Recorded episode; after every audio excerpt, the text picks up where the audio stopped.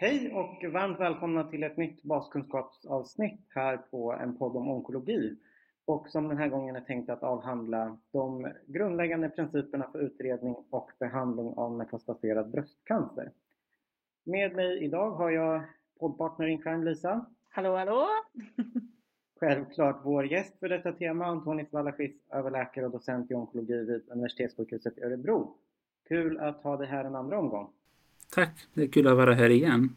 Är det så att man vill veta mer om bakgrund och onkologisk diagnostik eh, och behandling också av icke metastaserad bröstcancer så kan man lyssna på vårt förra avsnitt där Antonis är med och hjälper oss gräva djupare i det. Men eh, som sagt är det nu tänkt att vi går in i metastaserad sjukdom och man behöver ju inte jobba särskilt länge på en onkologklinik innan man inser att vi har eh, ansvar för ganska många patienter med just metastaserad bröstcancer. Så Antonis, ungefär hur vanligt är det att bröstcancer recidiverar och är de flesta just recidiv eller brukar man hitta sjukdomen som primärt spridd? Precis, alltså det, om, vi, om vi tar alla patienter med bröstcancer, då skulle jag säga alltså grovt sett att det är ungefär 30 procent som vi förväntar oss att det eh, metastaserar sig. Eh, och, och, ni förstår att i den så procent som är väldigt grovt, då, då kan det finnas patienter som har en väldigt liten risk och andra som har väldigt hög risk. Eh, men generellt kan man säga att man hamnar på ungefär 30 procent.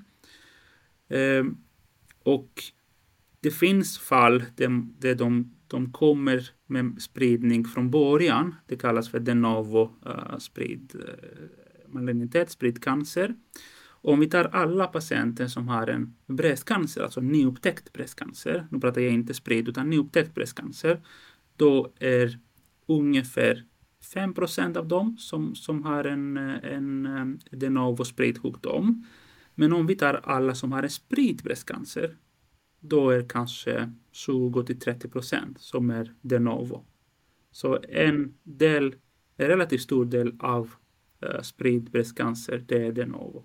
Och eh, när vi pratar om spridd bröstcancer, var, eh, var brukar eh, bröstcancer metastasera vanligtvis? Vad är liksom de typiska metastaslokalerna? Det som sticker ut eh, på, på bröstcancer det är då skelettmetastaser.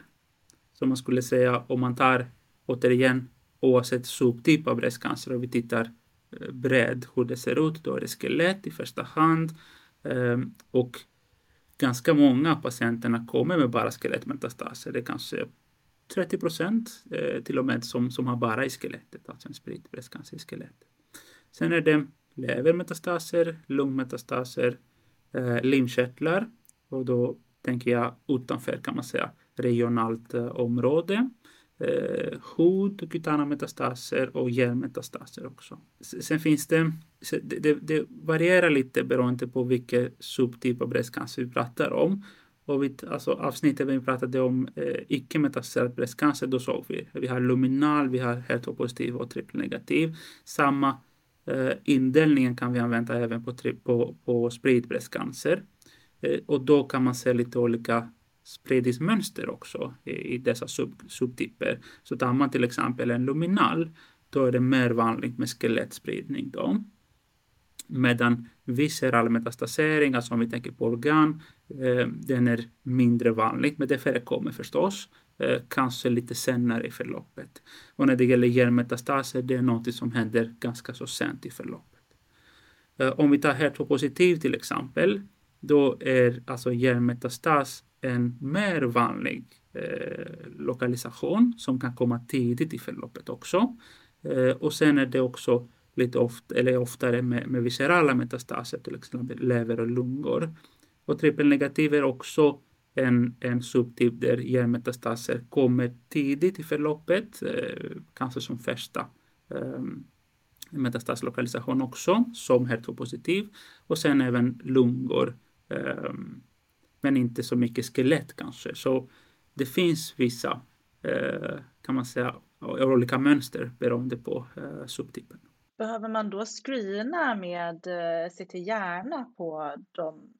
Är det något som vi gör i praktiken? Mm, det är en jättebra fråga. Och jag, jag sa på, på förra avsnittet också eh, när vi pratade om icke metastaserat att när det gäller screening då är det dålig evidens och då gör man på väldigt olika sätt. Det är samma sak i den frågan när det gäller hur vi gör med screening i hjärnan. Det görs i Sverige lite olika. De flesta gör inte detta, men det finns generellt en diskussion om att man kanske behöver fundera på att göra en ehm, eh, screening alltså avseende hjärnmetastaser på eh, HER2-positiv och trippelnegativ bröstcancer. Men de flesta, de flesta ställen gör inte detta. Eh, det kommer att, vi hoppas att vi kommer att kunna påbörja en studie som utgår ifrån Sahlgrenska, eh, där man kommer att titta på den. Så vi får se. Och det finns studier som pågår även i andra delar av, av världen i frågan. Då kan man ju tänka sig att de här patienterna kommer in till sjukvården lite grann beroende på var deras sjukdom hamnar. Men om man ska säga något generellt, brukar de här patienterna eh, utredas vad gäller tanken om recidiv på onkologkliniker eller brukar de hamna någon annanstans? Eh, det varierar också beroende på hur man har lagt upp uppföljningen på de patienterna. Men de flesta kommer inte via onkologen eller de, de, de fångas inte via onkologen, de fångas via eventuellt primärvården eller andra, eh, andra eh, instansen eh, i sjukvården. Och det har att göra med att vi har sedan länge tillbaka i Sverige slutat med kontroll, alltså uppföljning av de patienterna med radiologi. Vi gör kontroller med mammografi, eventuell ultraljud, alltså på bröstområdet. Men vi gör inte eh, CT regelbunden och så vidare. Och det har att göra med att det finns eh, evidens från atomiserade studier som visar att den här typen av kontroller verkar inte påverka överlevnad. Utan om en patient har symptom och kommer in, det spelar ingen roll om, om patienten kommer in eftersom man har känt någonting eller om det kommer via primärvården, utan då, då gäller det att ge en bra behandling och det, det kommer att gå eh, bra eller mindre bra, men, men det kommer att gå på liknande sätt som det skulle göra om man hade en uppföljning med CT. Det är en vanlig diskussion med patienter. Alltså många patienter upplever att det här, det här berättar nog inte, eh, inte känns bra eftersom det, det, blir en trygghet förstås att man, ska, eh, att man gör röntgen. Men å andra sidan får man fundera på, låt oss säga att vi gör röntgen en gång per år eller en gång var sjätte månad. Och säg, är det någon som säger att en, en spridning inte kan komma två månader efter att man gjort en röntgen? Alltså det, det, det, går aldrig att kunna fånga exakt när saker händer i en sån situation. Det låter ju, den diskussionen kan jag ändå tycka att man känner igen lite grann att man, eh, patienten upplever att de, eller de kanske har tänkt sig att de ska följas men på något objektivt sätt att de ska skanna efter metastasen. Men det är bra att man kan, man kan prata om det då. Och säg då att eh, vi har en patient där vi har eh, misstanke om en spridd bröstcancer. Eh, vad är liksom första steget vid misstanke om metastasering. Vad, vad ingår, om vi säger att vi har en CT-undersökning, eh, är det tillräcklig radiologi? Behöver man göra något mer eller vad är nästa bit? Det brukar vara tillräckligt. Ehm, övrig radiologi eh, beror lite på om vi har frågetecken på första. Alltså om det är så att det finns något som vi inte är säkra, om vi ser att det finns en utbredning i skelettet som vi inte kan få få en, en bra uppfattning med, med CT, då, då får man alltså motiveras för att göra något mer. Men det, CT brukar räcka. Eh, så det är bra grundundersökning för att hjälpa oss. Men ibland kan man välja att göra skelettskint om det är så att man är mer intresserad av att se på skelettet generellt. Man kanske behöver göra en EMR på ryggraden eller en eh, EMR på levern om det är så att det är en förändring som man inte kan eh, titta närmare på CT.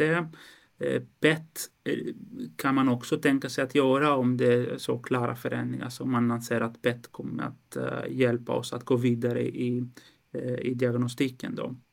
Men CT skulle jag säga grundundersökning och oftast räcker det med den. Sen, sen, sen är det viktigt, alltså nästa steg när man har sett någonting som man misstänker det är att man ska då bekräfta detta.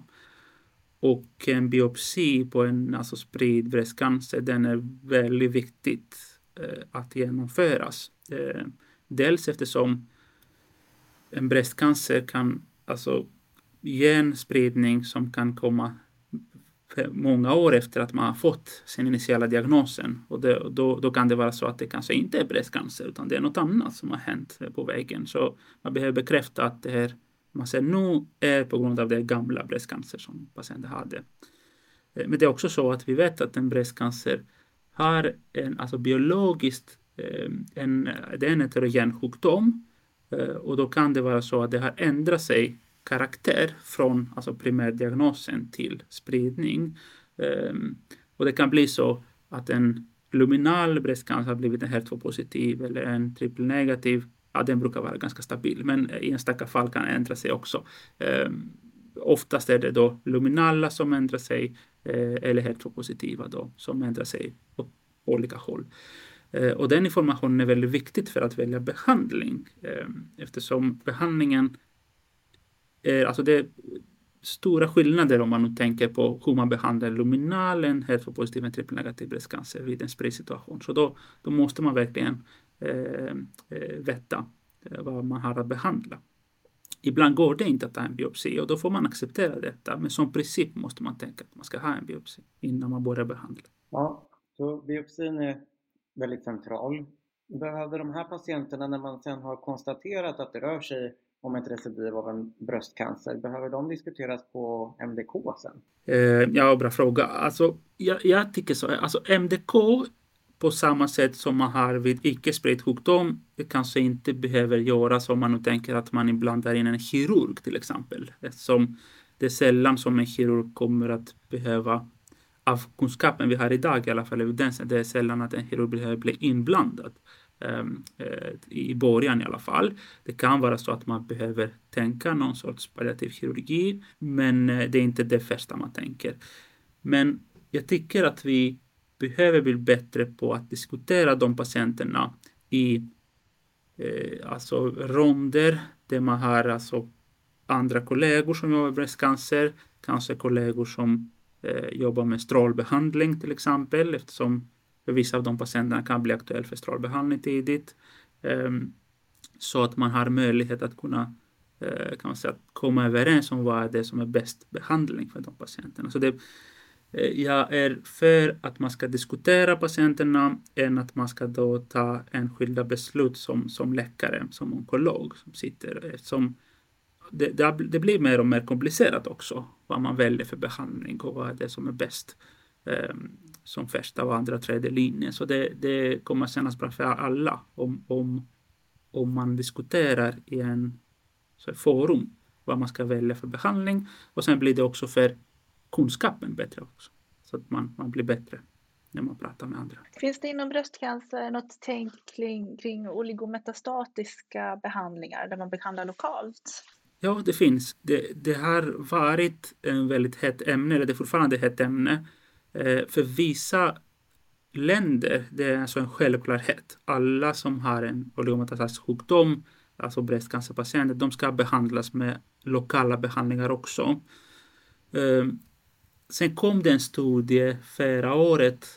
Eh, där, alltså de studierna som har funnits hittills med oligometastatisk sjukdom och hur man behandlar lokalt, de har varit, alltså de har varit atomiserade, men de har tagit olika typer av cancer, inklusive bröstcancer och lungcancer och så vidare. Och då har man sett en, en vinst med att man ska då jaga kan man säga, metastaser och behandla lokalt, antingen med operation eller då en precisionsbestrålning. Eh, sen kom en studie från som var bara för bröstcancerpatienter som eh, det drevs i USA då och då kunde man inte se skillnad alls. Och det blev plötsligt så att man, man behövde tänka om hur man gör med de patienterna. Vi tycker att det har mycket att göra um, vi tycker i Sverige, jag kommer tillbaka till det, men vi tycker i Sverige, eller alltså vi, vi har en studie som, som, uh, som har öppnat i Sverige um, och undersöker just detta. Vi har egentligen två studier i Sverige. En som, som gör operation, alltså kirurgi för levermetastaser och en som är då precisionsbestrålning. Och, och vi tycker att det har mycket att göra med selektion, alltså hur man selekterar patienter. Så kan man välja patienter på ett bra sätt, då kan det finnas en bra möjlighet. Eh, kanske inte till bot, men till lång tid för, för, för eh, progress av sjukdom. Eh, så vi, vi jobbar mycket i dessa studier med att selektera patienter på ett bra sätt. Gör en bra eh, radiologi innan för att man ska säkert veta att det är en, en oligometastasisk sjukdom och sen att det finns en tid där man ser att patienten svarar på behandling. Eh, alltså systemiska behandlingar. Det är en patient som, som har bra förutsättningar. Vad spännande. Det låter som att vi kommer att lära oss mer de kommande åren om hur vi ska behandla de patienterna med oligometastatisk sjukdom. Vi hoppas. Eh, om vi tänker nu då att eh, vi har en patient framför oss och ehm, eh, jag hade tänkt, eh, vi, vi tänkte att vi skulle prata lite grann, åtminstone grundläggande, hur man tänker kring val av behandling för låt säga de här olika subtyperna av bröstcancer. Men förutom sjukdomsutbredning och att vi har sagt att vi vill ha en biopsi så att vi kan subtypa den här bröstcancern. Är det någonting mer principiellt som vi behöver veta om patienten innan vi eh, bestämmer kring behandlingstyp? Mm, precis, alltså vi har eh, som, som du sa, vi har tumörutbredning, hur det ser ut, eh, var någonstans det har spridit sig. Vi har subtypen, alltså om det är luminal, HER2-positiv, trippelnegativ. Det är avgörande också. Sen måste vi veta också om, alltså om vi tänker tekniskt, då måste vi veta också om organfunktion, alltså hur det ser ut för den patienten. Eh, finns det tecken till det vi kallar för visceral kris, alltså att det finns ett organ eller flera organ som, som kommer, håller på eller sviktar på grund av eh, sjukdomen.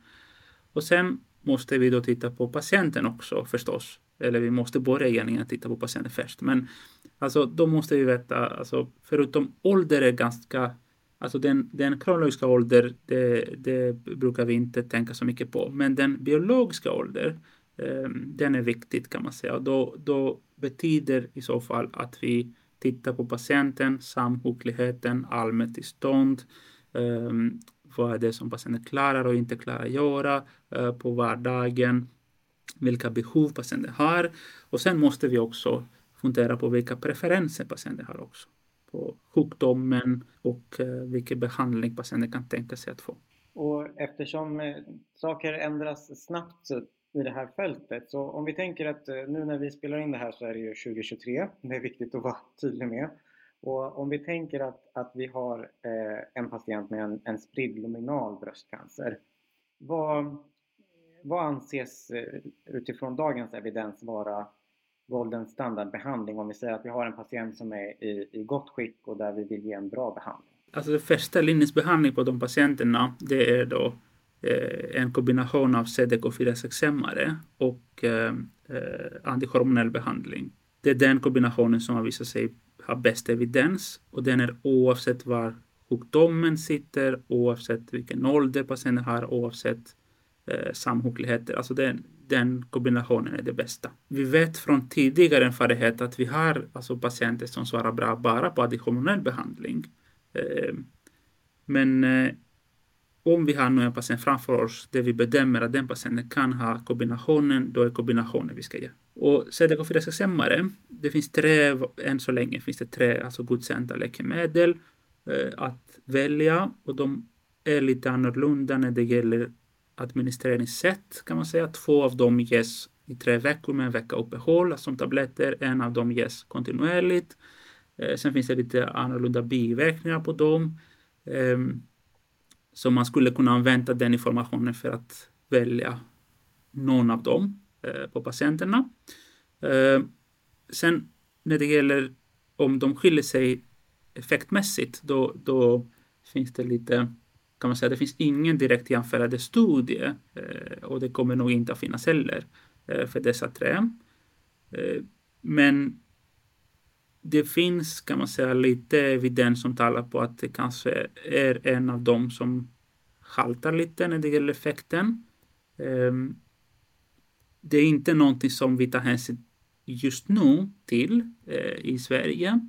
Det har börjat diskuteras internationellt eh, och vissa riktlinjer har fått in en liten, kan man säga, gradering på effekten också på dem. Men så länge det saknas direkt jämförade data, då blir det väldigt svårt att kunna skilja dessa tre.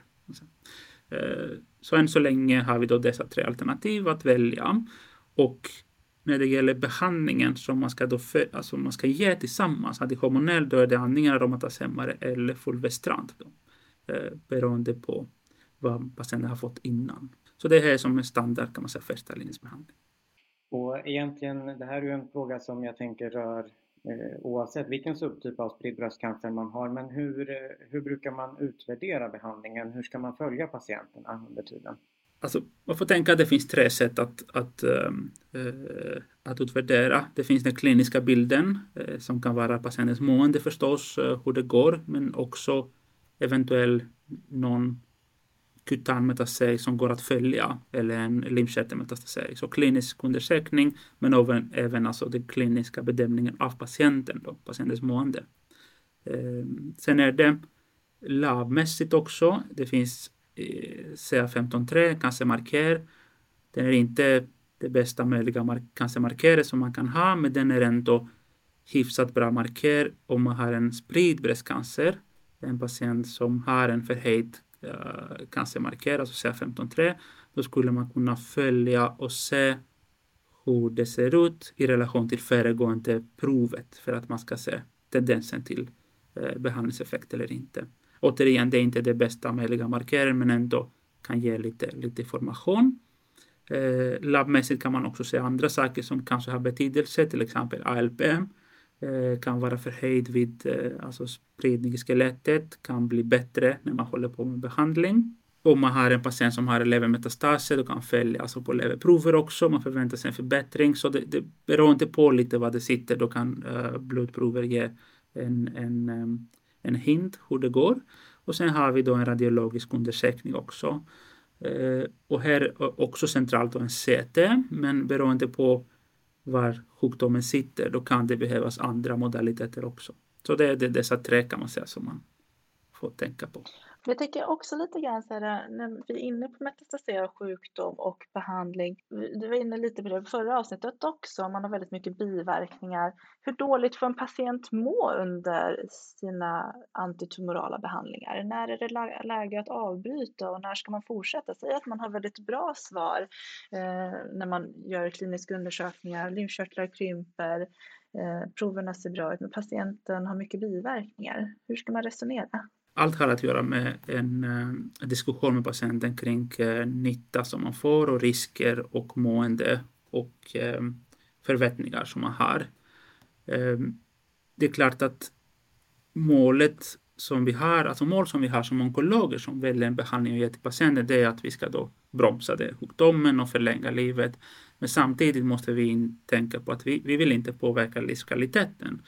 Eh, den människa som vi har framför oss, det har en, en begränsad tid att leva. Eh, vi hoppas att vi kommer kunna göra det en längre tid och eh, vi hoppas egentligen att vi kommer kunna göra att det blir en extremt lång tid som patienten kan ha leva. Men, men det blir ändå eh, i den mån att vi pratar om en obotbar alltså sjukdom, det blir en, en, en begränsad tid att leva. Då får man fundera på att man inte vill göra någonting som gör att patienten mår dåligt den tiden man har att leva. Eh, att patienten inte kan eh, ha ett normalt liv och, och eh, träffa sina barnbarn eller alltså, leva med sin familj och så vidare och göra saker. Så det här gäller att ha en bra balans. Det gäller att vara öppen med, med patienten också och diskutera. och ibland kan man välja att av, avbryta en behandling som gör att det blir för dåligt, även om man anser att det kanske kommer att leda till en progress, men det får man hantera senare. Så jag tycker att man ska vara öppen med, med, sina patienter, man ska prata om den. Man ska prata om vad man förväntar sig för biverkningar och det är som patienten förväntar sig också av behandlingen. Eh, och eh, ta ett gemensamt beslut då. Brukar patienterna fråga dig någonting när de kommer för eh, när man precis har upptäckt ett recidiv, en, en spridning av en bröstcancer, hur det ser ut med deras prognos? Är det, är det, hur brukar du resonera? Är det svårt att svara på generellt? Hur ska man eh, tackla den frågan? Man kan ju tänka såklart att det beror på vilken typ av bröstcancer och hur, hur sjukdomsutbredningen ser ut. Ja, precis. Det är en fråga som dyker upp förstås. Eh, det är vissa som inte vill veta alls, men de flesta ändå vill veta. De kanske frågar första gången, andra gången.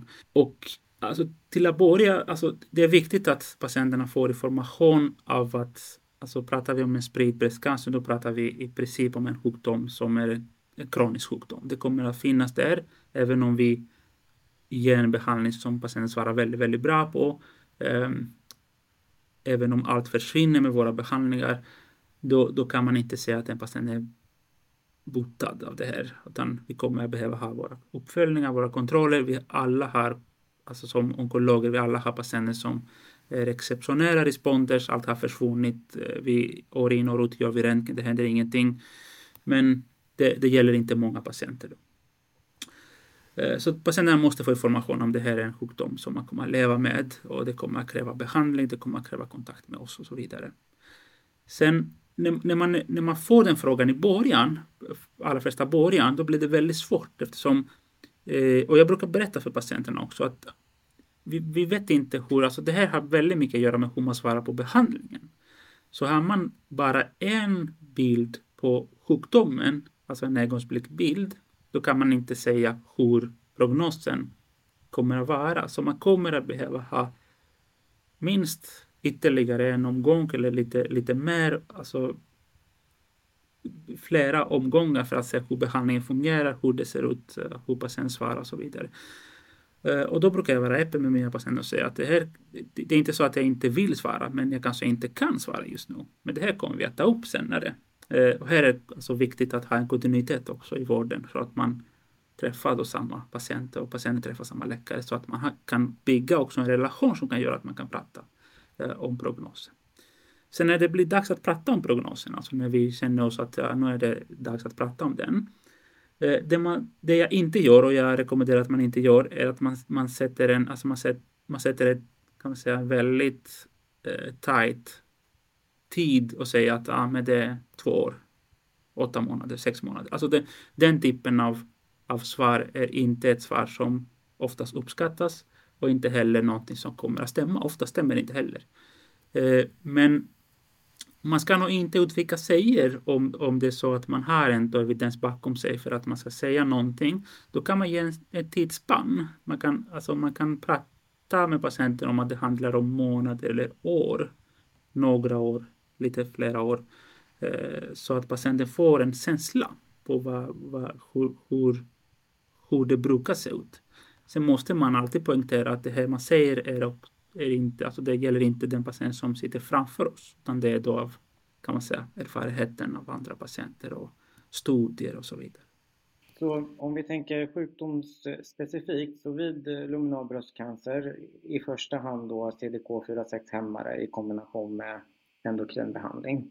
Om vi går vidare till eh, en annan grupp då, HER2-positiv bröstcancer.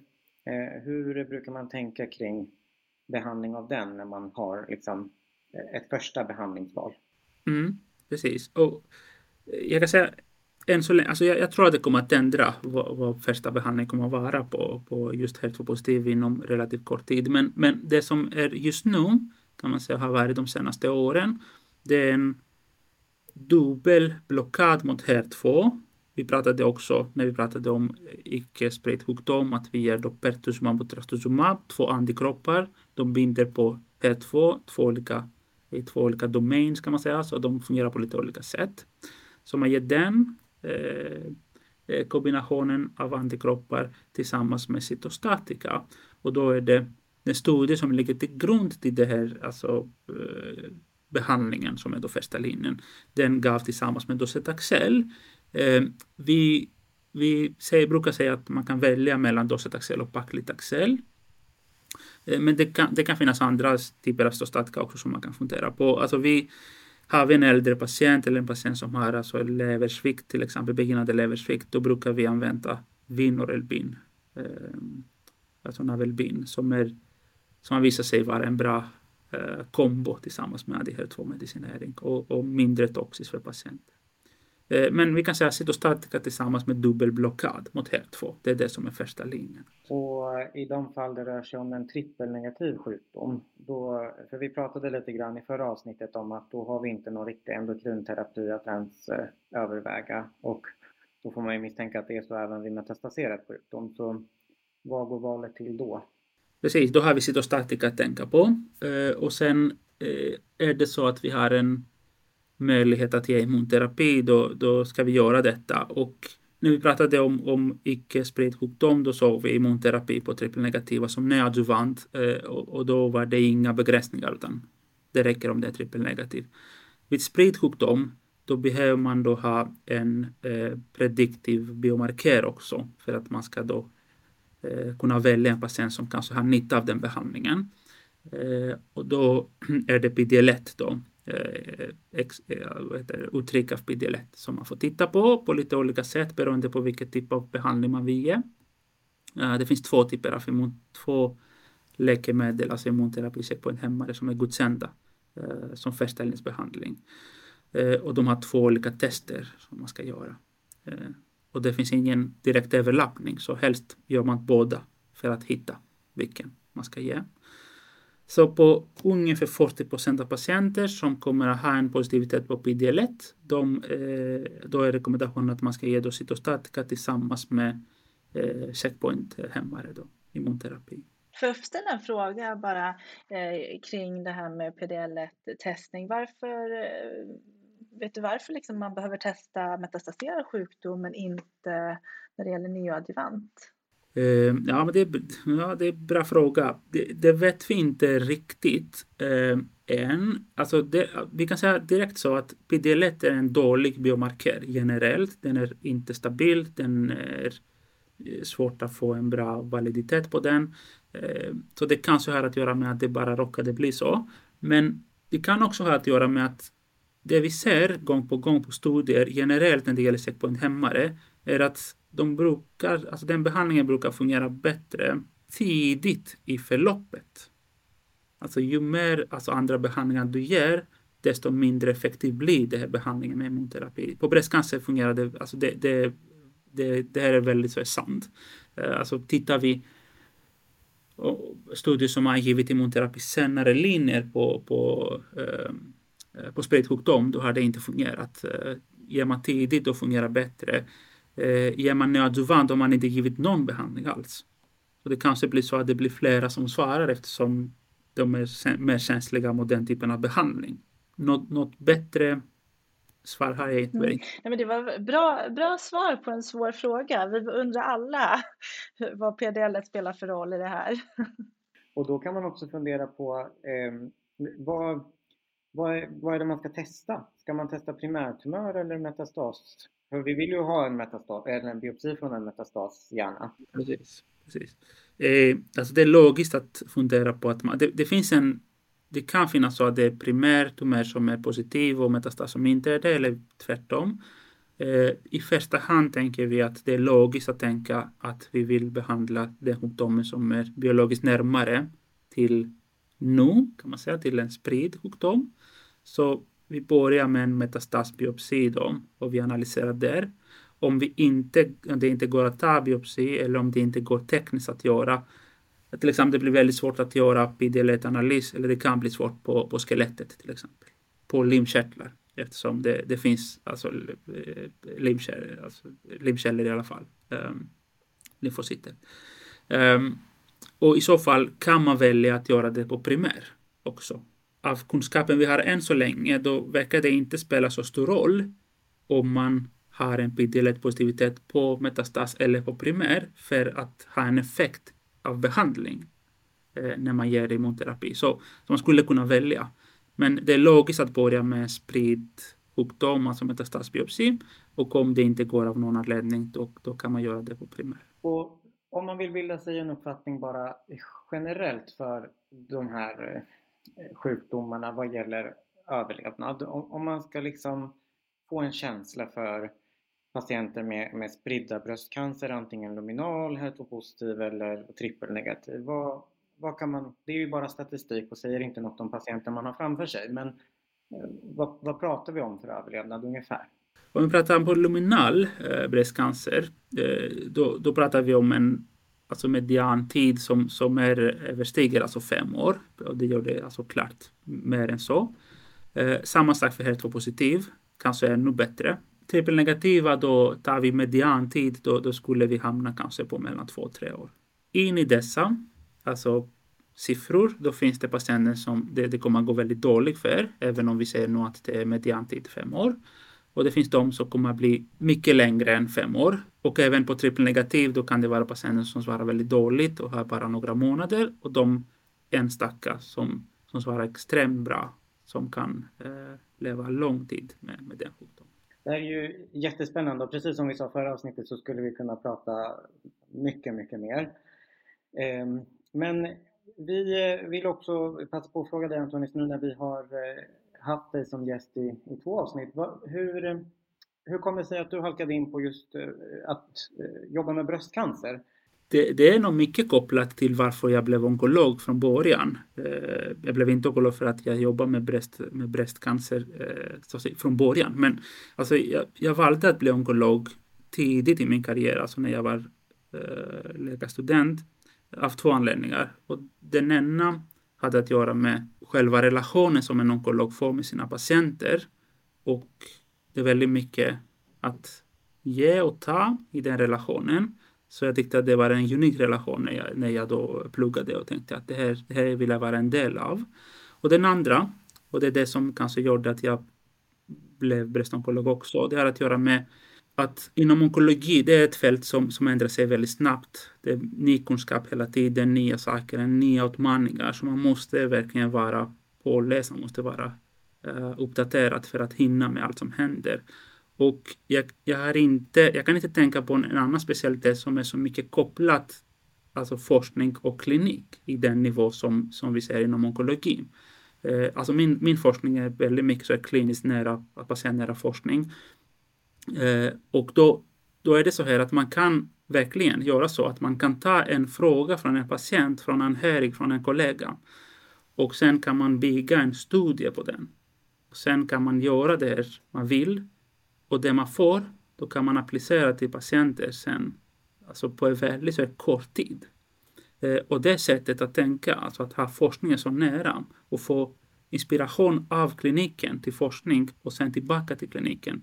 Den tyckte jag att det var väldigt spännande eh, inom onkologi. Det är väldigt så eh, spännande. Och bröstonkologi, jag skulle säga att det, det är ett exempel av, av alltså, typ av bröstcancer där det här appliceras bäst kan man säga. Uh, tror jag. Det, jag kanske har fel, men, men det, det är den känsla jag har. Det brukar bli så att först kommer saker inom bröstonkologi och sen kan man då titta i, i andra typer också om, om det fungerar. Så det, det är därför. Kul att höra. Ja, men jättebra och härligt. Jag tänker att vi rundar av med de inspirerande orden. Tack så jättemycket för att du ville vara med oss på det här. Tack Antoni. Tack själv. Har man några synpunkter, åsikter, feedback man vill lämna till oss så kan man ju skicka ett mejl. Eh, adressen är podd.onkologi.org och annars så hoppas vi att ni vill lyssna på nästa avsnitt också. Tack så jättemycket! Tack så mycket! Hej då! Hej då!